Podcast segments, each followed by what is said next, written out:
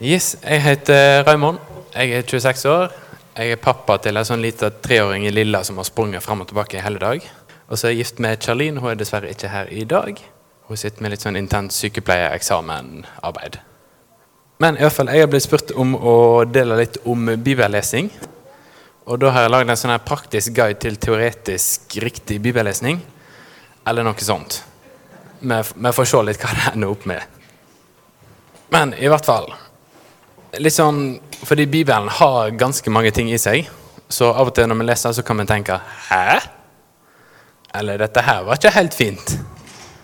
Og så er liksom spørsmålet Hva gjør vi da? Bare tar vi oss og sier ja, ja. Og så går vi videre? Eller gjør vi noe med det? Eller prøver vi å forstå hva er det egentlig som er meint her? Så jeg ønsker å gi litt sånn retningslinjer eller pekepinner til hva kan vi egentlig gjøre. Men først så vil jeg, jeg ha et sånn lite krasjkurs i bibelsyn. For de som vil ha en lenger, så har Arne Olav Rød en podkast på KF Trondheim for ca. 2019, september eller noe sånt. Så de som vil høre mer, kan høre på den. Men i hvert fall bibelsyn, noen sånn vanlige tanker om hvordan ser vi på Bibelen. Det kan være at Bibelen inneholder all sannhet. Det kan være at Bibelen er Guds ord, sånn han ønsker å gi det. Det kan være at noe innhold er Guds ord, men vi må sjøl finne ut hva som er sant, og hva som passer meg. Og så noen ser på han som gammeldags, utdatert og upålitelig. Så litt sånn raskt eh, Om Bibelen inneholder all sannhet, da er det veldig mange ting vi ikke kan vite. For eksempel så vet vi ikke at jeg heter Raymond. Vi vet ikke at Oslo er hovedstaden i Norge. Vi vet ikke om Napoleon har levd. Sånn at, at Bibelen inneholder all sannhet, det tror jeg er veldig få kristne som mener. Og hvis de sier det, så er det sannsynligvis bare en sånn dårlig formulering. Men det kan være mange ikke-kristne som tror at kristne ser sånn på Bibelen. Men sånn klassisk da, så ser kristne på at vi kan finne mye sannhet i Bibelen, men òg mye fra naturen og verden rundt oss. Så dette er nok et dårlig eh, bibelsyn. Og så kan vi se litt på om Bibelen er veldig gammel, det er sant. Men det betyr ikke at den er usann. Pythagoras formel den er enda eldre, men den bruker vi hele tida uansett. Sånn at, at noe er gammelt, det er ikke en sånn 'derfor er det feil'. I tillegg så er det mye i Gamle testamentet som Bibelen sjøl sier peker fram mot noe fullkomment. Så når vi leser i Gamle testamentet, så kan du av og til tenke da at men dette gjør vi jo ikke. Dette er jo ikke kristne heller. Og da er det ofte sånn at jo, fordi at Jesus han fikser det. Men fordi i Gamle testamentet så var de litt trege, så måtte Gud liksom Ok, det skal få lov til litt sånn og sånn. Og en annen ting er arkeologi. Jo mer arkeologi vi gjør, graver opp gamle ting, jo mer finner vi ut at Bibelen hadde faktisk rett i det han sa om historie. Så det er litt sånn artig hvis du er litt sånn nerd og har lyst til å finne ut av det så er det, er det mye gøy der. Men Bibelen er bygger på mange evige prinsipp, så at den er gammel, eller at vi i dag ikke gjør alt på samme måte, så er det mange prinsipp da, uansett som vi kan ta fram. Og Så skal vi se litt på Jesus sitt eget bibelsyn. Jesus han refererer hele tida til Gamle testamentet om, som autoritet. Når han diskuterer med fariseerne og skriftlærde, så er det aldri spørsmål liksom er det som Gamle testamentet sa, faktisk sant. Men det er heller sånn at det har misforstått dette her. Det har lest feil, eller det har ikke lest godt nok. Og Jesus tillegg, tillegg i tillegg sine egne ord samme autoritet. Han sier 'det har lest det sagt', men jeg sier dere. Og så tar han den autoriteten på seg sjøl. At fordi han er Guds sønn, så har han samme autoritet og av og til så fikser han da disse gamle testamentlige sin forståelse av ting. Så når de sier øye for øye og tann for tann, så betyr ikke det ta hevn like ille. Men det betyr hvis du har gjort noe galt, så betal en pris som passer. Det er f.eks. en ting som de misforsto. Og Nyhetestamentet sier òg litt om seg sjøl. Peter skriver da at Paulus skriver masse ting, og folk forvrenger det slik som de andre skriftene. Og dette ordet 'skriftene' det er kun brukt om bibelske tekster. Og så er det to plasser det er brukt om Nye testamentet òg. Og det er disse to. da. Og I 1. Timoteus så sier han 'for Skriften sier', og så siterer han Gamle testamentet, og så siterer han Jesus. Ord som han har sagt i Lukas, som ikke har et kapittel der. Det er fint. og så hvis noe i Bibelen er sant, er det da sånn at vi avgjør sjøl hva vi liker og ikke? Hvordan vet vi hva av Bibelen da som er sant? Og vi ender fort opp med at hver enkelt av oss lager vår egen versjon av Bibelen og av Gud. Og så ender vi opp med 50 ulike Jesuser som én person tror på, og som ingen av dem passer egentlig sammen. Noen sier at Jesus var morallærer, han døde egentlig ikke eller sto opp. Eller Noen sier kanskje at Jesus har ikke levd, men det er som metafor for en god person. Og Begge de to kan jo ikke være sant samtidig. Og hvis Jesus faktisk var Guds sønn, så passer ingen av de tre samtidig. Så vi ender da fort opp med at vi sjøl lager vår egen gud, og da blir vi vår egen gud. Da sier du egentlig 'jeg er autoriteten på sannhet'. Men det som er at apostlene de tar denne autoriteten sjøl og viderefører den fra Jesus. Og så sier de Det var altfor lite til jeg kan lese. For det skal komme en tid da folk ikke tåler den sunne læra, men etter eget hode tar seg lærere i hopetall. For de vil ha det som kile i øra det som høres fint ut. Å, dette her var sånn godt. Og Så går Paulus så langt og sier at hvis det kommer noen og forkynner et annet evangelie, selv om det kommer en engel og viser et annet evangelie for deg, så forbanna være han, sier han. Det er ganske harro at hvis, han sier egentlig, hvis noen sier noe annet, ikke hør på dem, kast det vekk. Og så har vi sånn her, hvis vi taler noen deler av Bibelen er sann, så er det sånn klipp og lim-bibel. Er du lei av å lese bibelsteder som ikke passer deg? Denne bibelen har sånne lette, du kan bare fjerne dem. Og så skriver det du kan ta ut hele sider. Du kan omorganisere sidene sånn at det passer deg supert.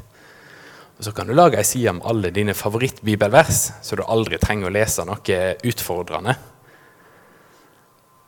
Og jeg tror ikke dette her er som Bibelen er ment å lese. Men det er sånn lite krasjkurs i ulike måter å se på Bibelen, og så litt sånn kommentarer på dem. Og så skal jeg ta så minikurs på oversettelse, for Bibelen er skrevet på hebraisk og gresk. Men det forstår veldig få av oss. Dessverre. Sånn at vi må lese en oversettelse da, til norsk eller til engelsk eller til andre språk. Og Bibelen i dag den er oversatt til 704 språk. Det tror jeg jeg skriver feil, men noe sånt. Uh, og noen oversettelser de er dessverre ganske dårlige. Det er til og med noen som lager oversettelser for å pushe sin tankegang. Så de oversetter bevisst feil. Så det er viktig å finne en bibeloversettelse som faktisk skriver det som sto på gresk. Og Her er min superupresise korte liste over oversettelser som er gode. På norsk så er det masse bra. Det er en Bibelen Guds ord. Den er jeg litt usikker på, fordi den har bare skrift, sånne manuskripter da, som har for gammel tid, som har funnet før år 1600. Så det er litt sånn usikker på om vi har funnet ut en del mer sider da. Så kanskje bare forsiktig med den. Og så har vi en Ny verden, som er Jehovas vitne sin. De, mange steder så bevisst unngår de å oversette riktig. Fordi de tror at Jesus ikke er Gud, og det er en del vers som er litt vanskelig da. Så da legger de til et andre ord, f.eks. At han er før alle andre ting. Og i han holdet alt annet sammen. Sånn at du liksom ikke får at han er før alt, men at Ja. På engelsk så er det veldig mange flere bibeloversettelser. Her er mine topp tre. ESV NIV og NASB. De, ja, de ser ut som er solide og gode å lese. Og så har vi King James Version, som er den mest kjente. Igjen så er den basert på litt gammel kunnskap. NLT, som er sikkert super for ungdommer. Jeg leste den en del, og han kan bli litt sånn fri. Fritt oversett. Og til slutt så vil jeg kommentere på The Message som har blitt veldig populær, det er egentlig ikke i Bibelen. Det er mer en slags andagsbok eller kommentar på Bibelen. Fordi den tar seg veldig stor frihet i å gjengi. Sånn at han høres veldig fin og poetisk ut og veldig sånn kunstnerisk.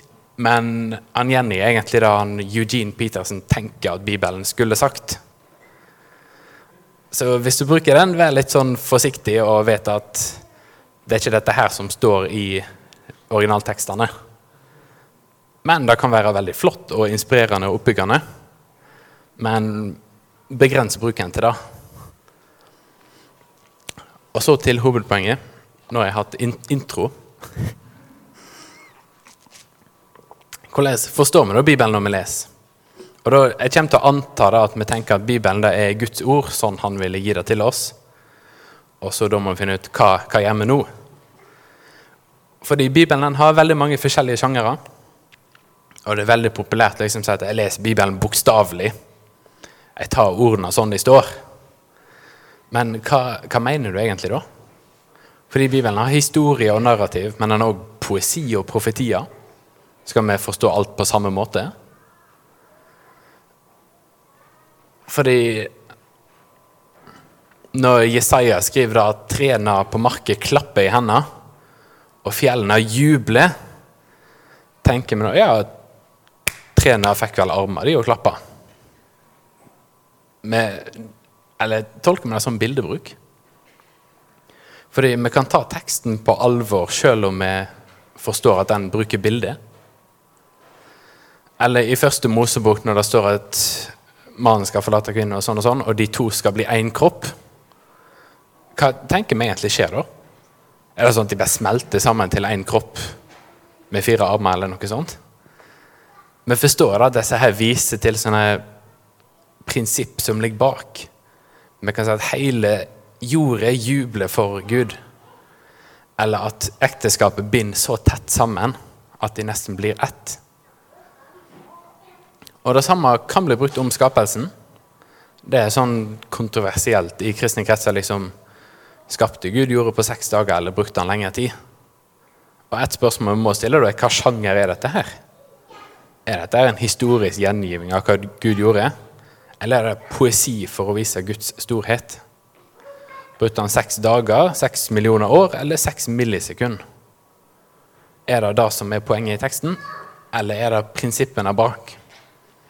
Jeg gir ingen konklusjon på det, men sånn, tenk, tenk på det. Fordi mange, Hvis du leser Bibelen uten bildebruk, så kommer du til å tro at jorda ser sånn her ut. Men sjøl i antikke Israel så er det veldig lite som tyder på at de trodde jorda så sånn ut. Fordi de forsto da når det står at Gud trekte stjernene som et slør, eller noe sånt, så forstår de at dette her er et bilde. Eller når de skriver da at grunnpilarene i jordet står støtt, så forstår du at dette her er et bilde. Men hvis vi ikke leser ting i Bibelen som bilde, metaforer, poesi, så ender vi ofte fort i feile konklusjoner. Så Noen som andre feller å gå i, det er å tolke alt i Bibelen som påbud fra Gud. For Bibelen den gjengir veldig mange ting som skjedde, uten å si at det skal gjøre det samme. For eksempel så tok David Batsheba og så tok hun livet av mannen hennes, sånn at han kunne få henne til kone. Men det betyr ikke at vi skal gjøre det samme. Et annet eksempel er at Paulus, når han fant ut at jødene ville drepe han, så rømte han til Derbe. Men det betyr ikke at jeg og du bør rømme til Derbe i dag. Det er ingen sånn påbud om at ja, vi må, vi må bare reise med til Derbe nå. Det står i Bibelen. Eller så står det Abraham og Jakob og Salem og mange andre. De hadde flere koner. Men det står aldri at vi bør ha flere koner. Faktisk står det motsatte at vi ikke bør ha flere koner. Og alle ganger de har gjort det, så ender de opp i problem. Jakobs kone hadde jo sånn konkurranse om hvem kan få flest unger. Og så gjorde de narr av hverandre hver gang den andre fikk, fikk en unge. Salomo hadde jo så mange at de faktisk bare de vendte om på trua hans. Han forlatte Gud og begynte å tilbe sånne statuer og påler og alt mulig fra, ja, som konen hans trodde på. da. Sånn at, Å tro at alt er påbud fra Gud, det er ikke riktig. Da må vi finne ut om står det at vi skal gjøre det, eller er det bare en sånn 'dette her gjorde noen', og det er det. Om alle ord er sanne Det kan høres litt farlig ut at jeg sier liksom at er alle ordene i Bibelen sanne? Alle påstander i Bibelen, er de sanne? Fordi Bibelen gjengir mange ting som har skjedd, men òg mange ting som er blitt sagt. Mye dialog blant folk som ikke nødvendigvis sier det som er sant. Et eksempel er Jobb sine venner. I sånn 30 kapittel i Jobbs bok så underviser de feil ting om Gud. De sier at Gud han en at hvis du ikke synder, så opplever du aldri noe vondt. Og hvis du gjør rett, så får du masse velsignelse. Men det er jo ikke helt sånn. For selv om vi lever rettferdig, så kommer det smerte og sykdom og alt mulig. Og hvis du ikke vet at på slutten av boken så korrigerer Gud dem og sier at det har ikke talt rett om meg, det har sagt ting som er feil, så kan det hende en gang slå opp Jobbs bok, og så leser du å ja, det er sånn Gud er. Fordi det sa noen. Et eksempel er for Herodes som trodde at Jesus var Johannes døperen som har stått opp for de døde. Han sier da å det er Johannes døperen som har stått opp for de døde. Og hvis du ikke leser neste verset eller verset før, så kan det hende at du òg tror det. Fordi Bibelen sa jo det. Det er et vers i Bibelen som sier Jesus er Johannes døperen som er stått opp for de døde. Men det betyr ikke at det er sant. Så vi må se hvem sier dette her. Blir de korrigert seinere? Stemmer det overens med alt det andre som Bibelen lærer? Noen flere feller som kanskje er det mest vanlige. Det er sånne 2021 norske briller som vi ser gjennom. Når vi ser på en tekst, så er vi veldig påvirka av vår oppvekst, vår kultur, vår tid og alt annet som liksom har input i tankene våre. Og det gir oss mange sånne forutinntatte antakelser om hva Bibelen er, hva Bibelen bør lære. Så for eksempel så kan vi misforstå kulturen. Paulus han, han eh, befaler liksom en plass gi hverandre et hellig kyss når det møtes. Og det var kanskje ingen i dag som fikk det. Betyr det da at vi gjorde noe feil? Eller forstår vi det at i den kulturen så betydde det liksom ta imot hverandre som venner? Og det håper jeg mange har opplevd i dag. Sånn at Å forstå liksom, når de bruker sånne her kulturrelaterte uttrykk eller sånn, hva var det egentlig de mente at vi skulle gjøre? Andre ting Nå skal jeg ha en sånn mini-bibelundervisning, så skal vi se hvor mange som eh, tror på det. skal jeg si. Fordi I Jobb 1,13 så kan vi lese om barna til Jobb. De holdt fest, og så ender det opp med at huset ramler ned, da. og så dør de. Og i Matteus 14,6 så holdt Herodes bursdagsfest. Og den dagen da finner han ut at han skal drepe Johannes døperen. Så vi to tilfeller med fest og død. Igjen i første Mosebok 40 så holdt farao fest. Og det er da han liksom tar opp bakeren fra fengselet og tar livet av han, og så setter han munnskjenken fri. Og så glemmer han Josef i fengsel i tillegg. Så nå har vi tre ganger der fest der bare leder til død. Og så igjen i Forkynneren 7 så står det at dødsdagen er bedre enn fødselsdagen. Så er det da sånn at vi ikke kan feire bursdager. Fordi nå har jeg fire bibelvers der liksom bursdagsfeiring det er bare død. Men det er jo ingenting her som sier at det var bursdagsfeiringen som førte til dette. Det var bare tilfeldigvis når de feirer bursdag, så gjorde de andre veldig dumme ting. Sånn at, men hvis du gikk inn her i dag og så tenkte du at bursdagsfeiring det er noe forferdelig drit, så er du kanskje enda mer overbevist om det nå, sjøl om jeg har trukket en feil konklusjon. Fordi Bibelen i sin helhet lærer ikke det. Vi sier at vi skal feire Gud. Vi skal feire hverandre. En måte å gjøre det på er fødselsdag. Vi kan feire at Gud har latt deg leve enda lenger og velsigne deg et år til. Men hvis du gjør det på en dårlig måte, da er det ikke så bra. Så vi må la oss la oss speile oss i Bibelen, og så må Bibelen korrigere oss. Og ikke la, jeg, jeg, har sagt at det er feil før, så jeg må bare ikke Og ikke la Bibelen bli speilt av våre tanker, sånn at våre tanker er det vi leser og forstår. Jeg, jeg, jeg visste noe sånt, og da sa jeg det omvendt. Så ble jeg veldig sånn Hæ, hva er det? Men i hvert fall, vi må være obs på at vi har mange sånne her forutinntatte antakelser og ideer om hva Bibelen burde sagt. Og det er veldig vanskelig å oppdage dem.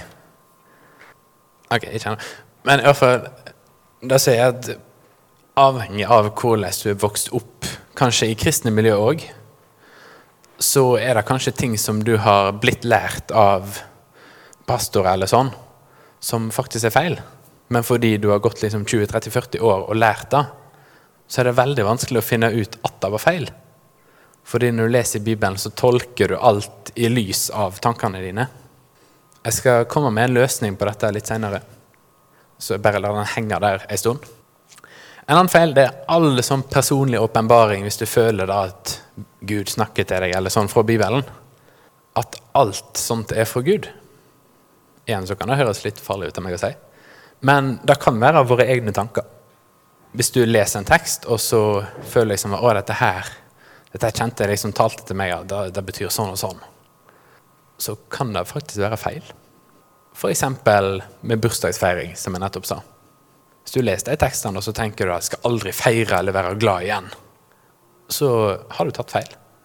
Og igjen, så Jeg har møtt noen som har lest for Romerne kapit kapittel 6, tror jeg der det står som at hvordan kan vi som er i Kristus, leve i synd?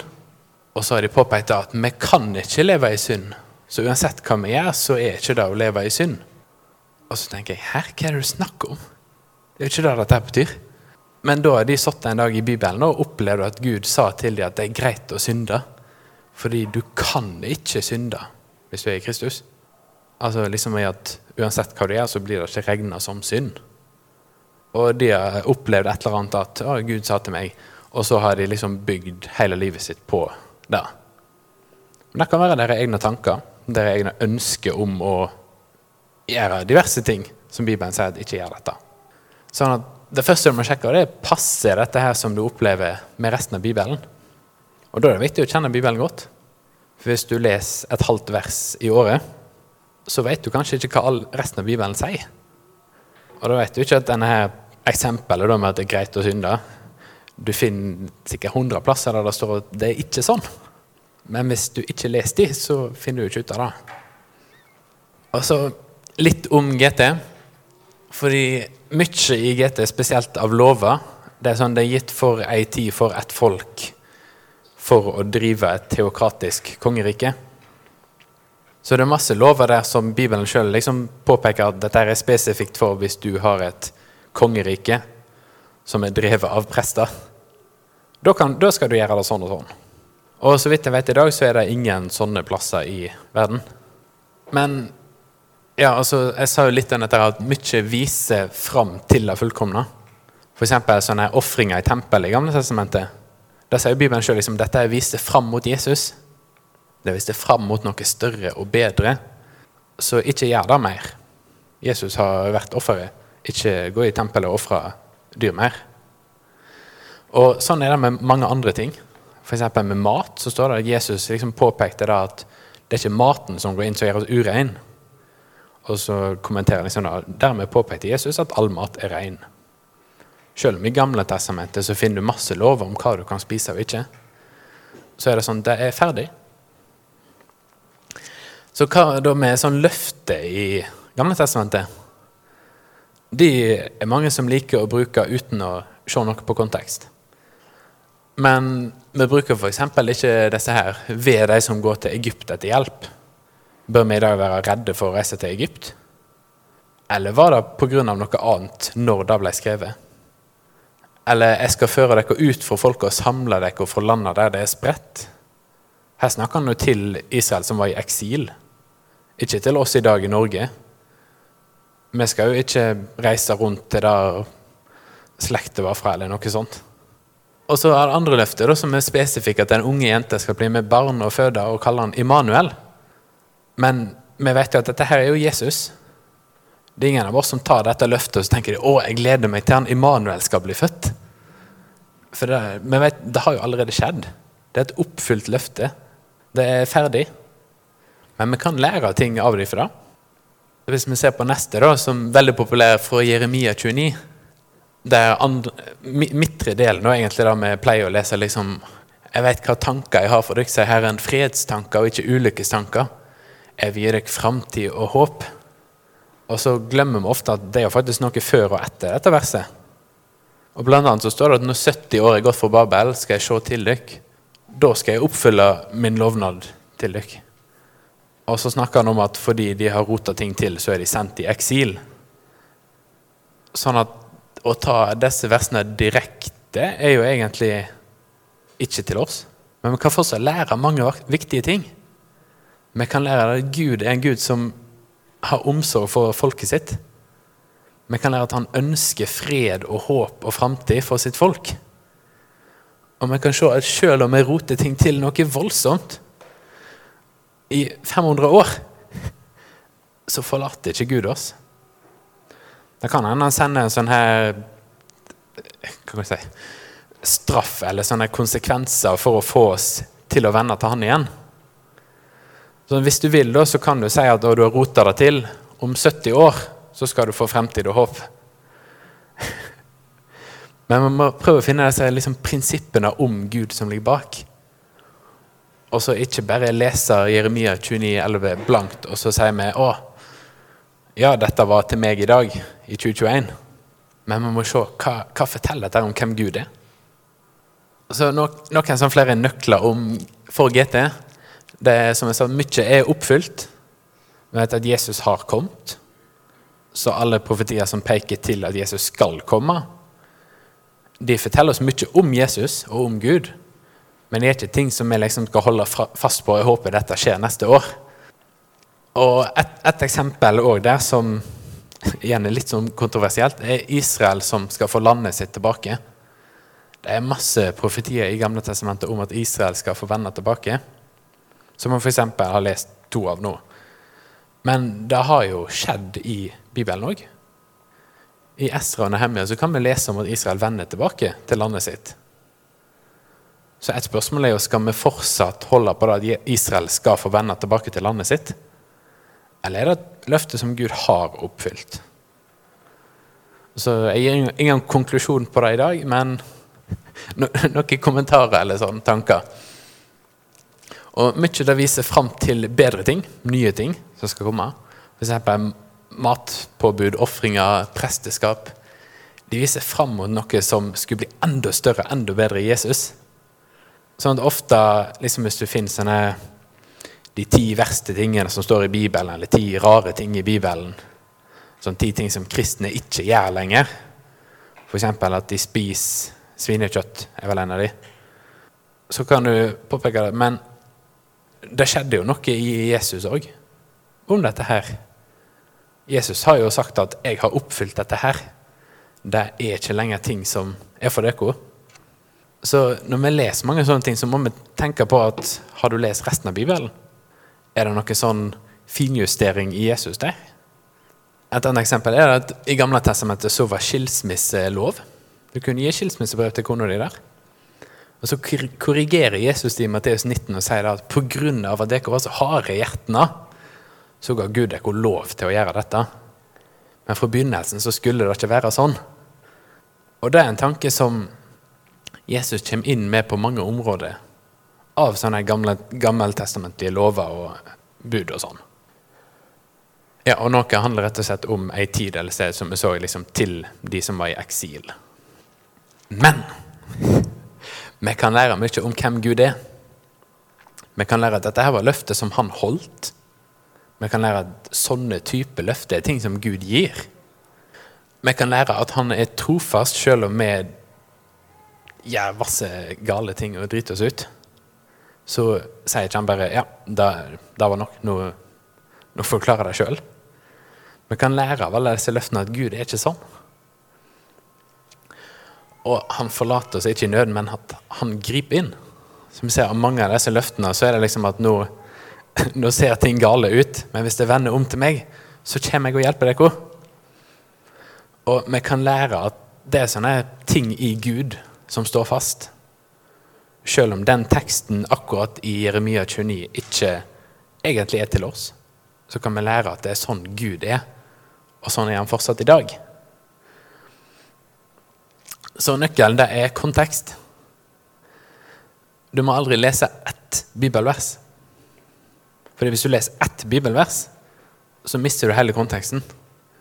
Jeg er sikker på at hvis du tar én setning ut av det jeg, tatt, det jeg har sagt i dag, så kan du få meg til å si ganske mye rart. Men det betyr ikke at det jeg sa, betyr det den ene setningen eh, virker å bety. Så når du leser Bibelen, så må du huske å lese verset før verset etter. Les hele avsnittet, hele boka. Og hvis det fortsatt er det uklart, så les du hele Bibelen for å finne ut hva dette ene verset betydde. Og det er sånn. Hvis du trekker ut én setning i Bibelen, så kan du få den til å si veldig mye rart. Men det betyr ikke at den, altså den konklusjonen er riktig. For det, En annen ting er versene i Bibelen. De ble lagt inn i 1448. Ble tatt i bruk i 1555. Kapittel var ikke før på 1200-tallet. Sånn at ikke vær så bundet av at å, her stopper verset. Da må det være sånn magisk skille her at nå, nå skal jeg stoppe å lese. Men fortsett litt til. Finn ut hva, hva er det egentlig han snakker om her. Fordi både historisk og tekstlig, litterært, kulturert, språklig, hvem har skrevet det, hvem er det skrevet til, det er viktige ting som egentlig bør på hver eneste setning vi leser. Så kan det spille en rolle. Et eksempel er Paulus han skriver 'alt makter jeg i Han som gjør meg sterk'. Hva, hva betyr dette her, da? Kan vi, kan vi, gjøre alt? Jeg tror på engelsk så står det 'I can do all things'. Jeg kan gjøre alle ting. Men hva, kan vi fly? Kan jeg begynne å flakse med armene, og så kan jeg fly? For hvis jeg kan gjøre alle ting, så er jo det én ting. Kan vi la være å spise mat et år, to år, tre år? Er det det Paulus snakker om? Kan jeg bli president nå? Hvis jeg bare tror at Gud, jeg kan gjøre alle ting, så når jeg går ut døra her, så er jeg president i USA. Det er jo ikke det han snakker om. Hvis du leser konteksten, så snakker han om at jeg vet hva det er å ha mye, jeg vet hva det er å ha lite. Jeg vet hvordan det er nå husker jeg ikke helt, å gå sulten eller noe sånt. Jeg vet hvordan det er å ha i overflod. Men alle ting kan jeg gjøre i Han som gjør meg sterk. Så han snakker om noe veldig spesifikt. Så å tolke dette her til at vi kan fly, da har du ikke lest langt nok. En annen ting, I første korintene sier han at 'jeg har lov til alle ting, men ikke alt kjenner til det gode'. Snakker han her om at vi kan gjøre hva som helst? Altså all synd er greit? Alle handlinger er greit? Eller mener han egentlig noe annet? For hvis du leser jeg tror du må lese noen to avsnitt bakover, så finner jeg egentlig ut at han snakker her om offermat. Mat som de ikke-kristne har til avguder og sånn. Så sier han det er greit å spise. Og så snakker han om noe annen mat som òg er greit. Og så midt inni så kommer dette her verset, da. Så da må vi finne ut ok, gjelder dette her kun det som man nettopp har snakka om. Eller er det en kontekst liksom fire kapittel tilbake? For da igjen så bruker han dette, dette uttrykket. Fire kapittel tidligere. Så vi liksom finner ut ok, hva spesifikt er det Paulus snakker om da, når han sier dette her. Og ikke dra ut dette ene verset og så sier du jeg kan gjøre hva som helst. Alt går fint. For det, det, det er ikke det Paulus sier. Så ikke stopp å lese nå.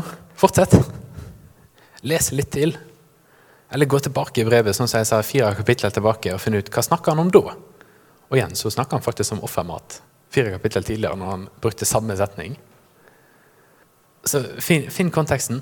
Hva er det de snakker om? Hva, hva kultur er dette inne i? Hvem er det han egentlig snakker til? Hva situasjonen var de i? Hva situasjonen var Paulus sjøl i når han skrev det? Og Mange plasser så korrigerer Paulus sånne feiltolkninger sjøl. Eksempel, han snakker om at vår synd viser Guds ære og storhet og godhet. Og så sier han liksom, hva skal vi si, skal vi synde da, sånn at Gud blir enda større og enda mer æra? Så sier han, nei, nei, nei, nei, det er feil, det er feil. Men ofte så korrigerer han ikke sånne misforståelser. Og Da er det viktig å kjenne godt til Bibelen. Så hvordan skal vi da lese Bibelen? Og Nå håper jeg liksom at løsningene på alle disse problemene som jeg har gitt dere, kommer. Eller i hvert fall sånne pekepinner til hvor finner du løsningene. Og Den første det er å bruke Den hellige ånd. Jeg tror, og mange kristne tror at Bibelen er skrevet ved Den hellige ånd sammen med apostlene. Og at Den hellige ånd kan hjelpe oss å forstå hva er det Gud snakker om. Så da er det viktig å bli kjent med Den hellige ånd, da, sånn at vi kjenner den igjen. Så tid i lovsang og tilbedelse, bønn og Bibel, og la Gud og Den hellige ånd forandre oss. Det er viktig, for ellers så kjenner vi ikke igjen når Den hellige ånd faktisk viser oss noe. Og igjen, så 1. Johannes den sier da, tro ikke hva ånd som helst, men prøv om de er fra Gud. Og det sånn tilbake til at Ikke alle sånne tanker eller innskytelser er fra Gud og Den hellige ånd. Det kan faktisk være at det er dine egne tanker og lyster og alt mulig.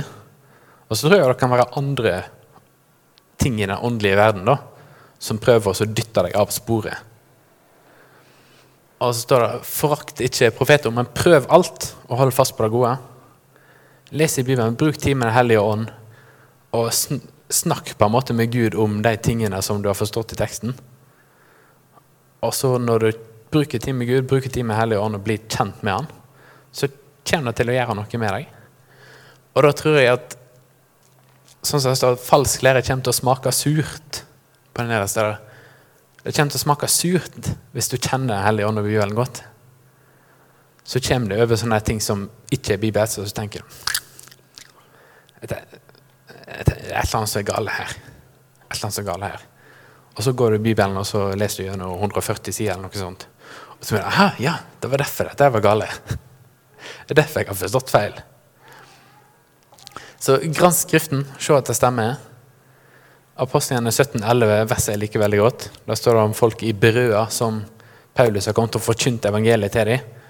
Og det de gjorde, det var at Da gikk de i Gamle testamentet og så granska de gjennom Skriftene for å sjekke at det han sa, stemte. Så gjør det på alt jeg har sagt i dag. Sjekk at det stemmer overens med Bibelen.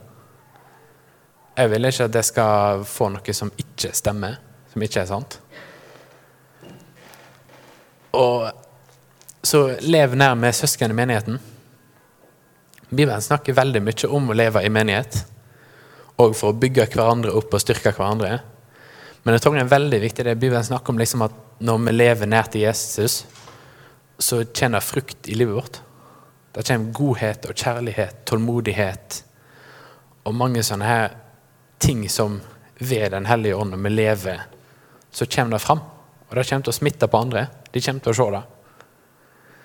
Sånn at å se på livet til folk som du har rundt deg, det kan si, tror jeg, mye om hva relasjon de har til Gud.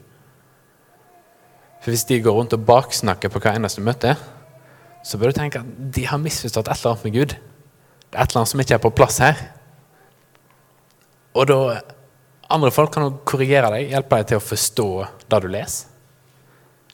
Gud har kanskje vist de ting som han ikke har vist deg. Og bruk hverandre. Les Bibelen sammen. Snakk om det som det leser. Og så sammen da forstå ting. Fordi sånn som jeg er her, så tror jeg at Gud har vist meg noen ting. Sånn en teoretisk, praktisk bibellesning eller noe sånt. I hvordan vi kan lese Bibelen. Og så tror jeg Det er ikke kun for at jeg skal ha nytte av det. Men jeg tror det er sånn at jeg kan dele det til dere, og det skal ha nytte av det. Og sånn kan det være med bibellesningen din i dag tidlig, f.eks. At du følte at Gud sa et eller annet til meg her. Og da vil han kanskje at du skal dele med den som sitter ved siden av deg. Eller med alle som er her, kanskje, til og med.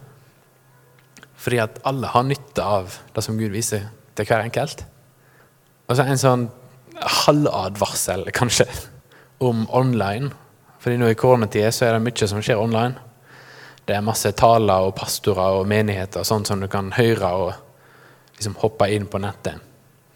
Men det mangler veldig mye. Det mangler den fysiske kontakten. Det mangler sånn Når Anders kom i dag, så hilste vi på hverandre og hadde en veldig god prat. Bygde hverandre opp, egentlig. Og den er veldig vanskelig å få over et Zoom-møte. Det er ingen som du kan ta i hånda da, eller liksom 'Dette her, du er bra'. Og jeg tror det er veldig viktig. Og så tror jeg det er veldig viktig å se på livene til de som er rundt deg. Bibelen snakker mye om å liksom rettlede hverandre. Hvis jeg ser at Anders, nå er du i faresonen. Hvis jeg ser at Anders gjør på ting som ikke er bra, så skal jeg gå til han liksom, du, Anders, vi skal ikke, du, du ser at det er sånn du driver på med. liksom. Vi skal ikke bli kvitt det, da. Så du kan ære Gud enda mer om livet. Og sånne små liksom, samtaler og dialoger er kjempeviktig. Og jeg tror også at det fornyer oss. Det gjør at vi blir mer lik Jesus og kan forstå mer sånn som han forstår.